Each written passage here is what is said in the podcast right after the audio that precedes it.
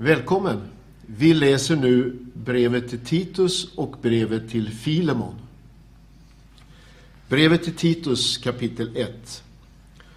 Från Paulus, Guds tjänare och Jesu Kristi apostel, sänd att föra Guds utvalda till tro och insikt om den sanning som hör till Guds fruktan och ger hopp om evigt liv.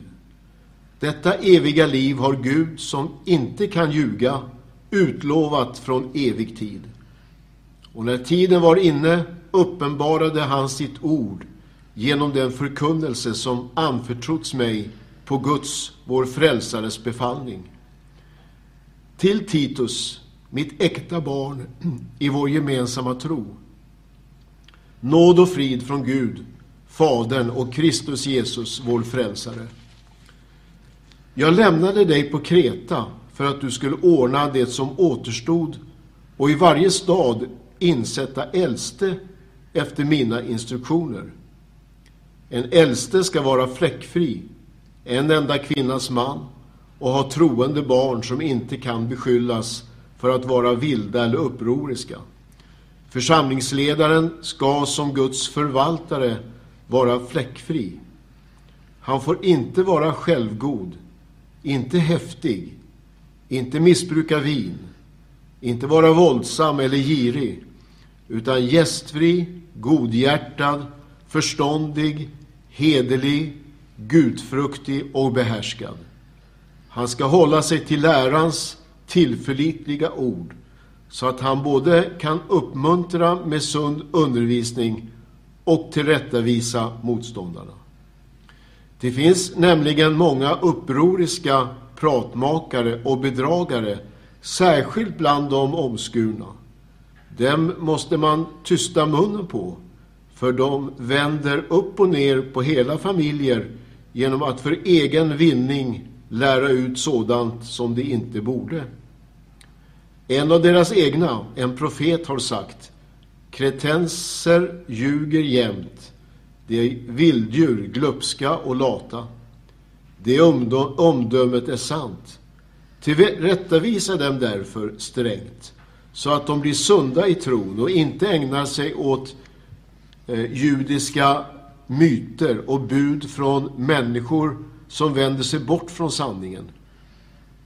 För det, för det rena är allting rent, men för de orena och otroende är, är ingenting rent, utan hos dem är både förstånd och samvete orena. De försäkrar att de känner Gud, men med sina gärningar förnekar de honom. De är avskyvärda, trotsiga och odugliga till varje god gärning. Kapitel 2 Men du ska predika det som stämmer med den sunda läran. Äldre män ska vara nyktra, värdiga och förståndiga, sunda i tro, kärlek och tålamod. Äldre kvinnor ska på samma sätt bete sig som det anstår det heliga, inte sprida skvaller eller missbruka vin. De ska vara lärare i det som är gott, så att de fostrar de unga kvinnorna till att älska man och barn, att leva anständigt och rent, att vara husliga och goda, underordna sig sina män så att Guds ord inte blir hånat. Förmana på samma sätt de yngre männen att visa gott omdöme i allt och var själv ett föredöme i goda gärningar. Din undervisning ska förmedla eh, oförfalskad sanning och värdighet. Den ska vara sund och oklanderlig så att din motståndare måste skämmas när han inte har något ont att säga om oss. Förmana tjänarna, tjänarna att underordna sig sina herrar i allt, att tjäna dem helhjärtat och inte säga emot, att inte smussla undan något, utan alltid visa sann trohet så att det i allt är en heder för Guds, vår frälsares lära. Guds nåd har uppenbarats till frälsning för alla människor.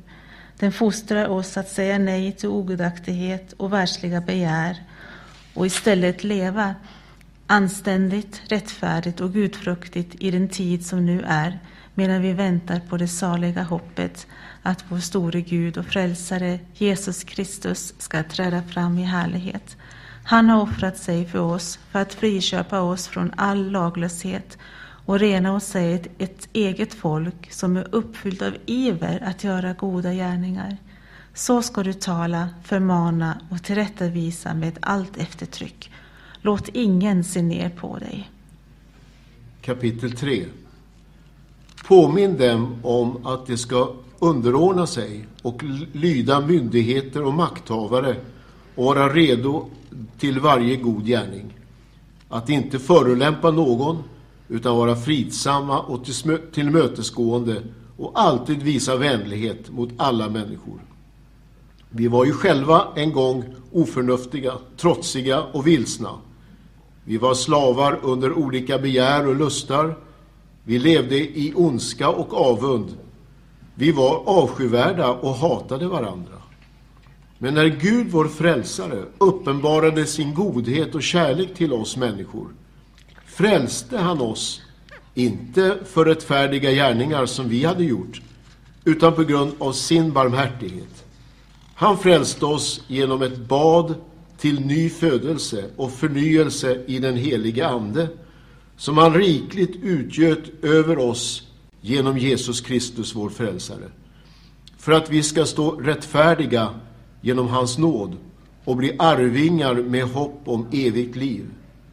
Detta är ett ord att lita på och jag vill att du med kraft inskärper det så att de som tror på Gud är noga med att göra goda gärningar. Sådana, sådant är gott och nyttigt för människorna. Men undvik dumma dispyter och frågor om släktregister och gräl och strider om lagen. Sådant är skadligt, skadligt och meningslöst.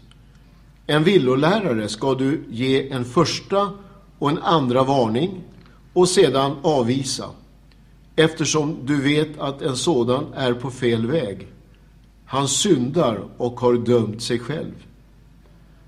När jag sänder Artenas eller Tychicus till dig, skynda dig då att komma till mig i Nikopolis. Jag har bestämt mig för att stanna där över vintern. Eh, juristen Senas och Apollos ska du utrusta ordentligt så att de inte saknar något på resan. Även de våra, även de våra måste lära sig att göra goda gärningar och fylla nödvändiga behov så att de inte är utan frukt. Alla som är hos mig hälsar till dig. Hälsa till dem som älskar oss i tron. Nåden vare med er alla. Brevet till Filemon från Paulus, Kristi Jesu fånge och vår broder Timoteus till vår älskade vän och medarbetare Filemon, vår syster Appia, vår medkämpe Archippus och församlingen i ditt hus. Nåd vare med er och frid från Gud, vår far och Herren Jesus Kristus. Jag tackar alltid min Gud när jag nämner dig i mina böner, eftersom jag hör om din kärlek och tro, din tro på Herren Jesus och din kärlek till alla de heliga.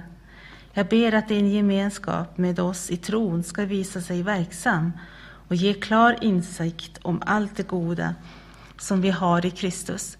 Din kärlek har varit till stor glädje och tröst, och tröst för mig eftersom det heliga har blivit styrkta i sina hjärtan tack vare dig, broder. Även om jag nu med stor frimodighet i Kristus kan, kan befalla dig att göra din plikt vill jag hellre vädja för kärlekens skull. Jag, Paulus, en gammal man och nu en Kristi Jesu fånge, vädjar till dig för mitt barn som jag har fött i min fångenskap, Onesimus. Förr var han inte till nytta för dig, men nu är han till god nytta för både dig och mig. Honom skickar jag nu tillbaka till dig. Det är som att sända mitt eget hjärta. Egentligen ville jag ha kvar honom här hos mig så att han kunde hjälpa mig i ditt ställe när jag nu sitter i fängelse för evangeliets skull. Men jag ville inte göra något utan ditt samtycke för att det goda som du gör inte ska ske av tvång utan av fri vilja. Kanske var det just därför han blev skild från dig för en tid, för att du skulle få honom tillbaka för alltid och då inte längre som en slav utan som något mer, en älskad broder. Det är han i högsta grad för mig, hur mycket mer då inte för dig, både som människa och som broder i Herren. Så om du räknar mig som din vän, ta då emot honom så som du skulle ta emot mig. Och har han gjort dig något orätt eller skyldig dig något, sätt upp det på min räkning. Jag, Paulus, skriver med egen hand. Jag ska betala. För att nu inte tala om vad du skyller mig, dig själv.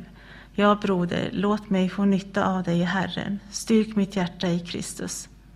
Jag skriver till dig övertygad om din lydnad och jag vet att du kommer att göra ännu mer än det jag ber om. Ordna dessutom ett gästrum åt mig. Jag hoppas nämligen att ni genom era böner ska få mig tillbaka. Epafras, min medfånge i Kristus Jesus, hälsar till dig.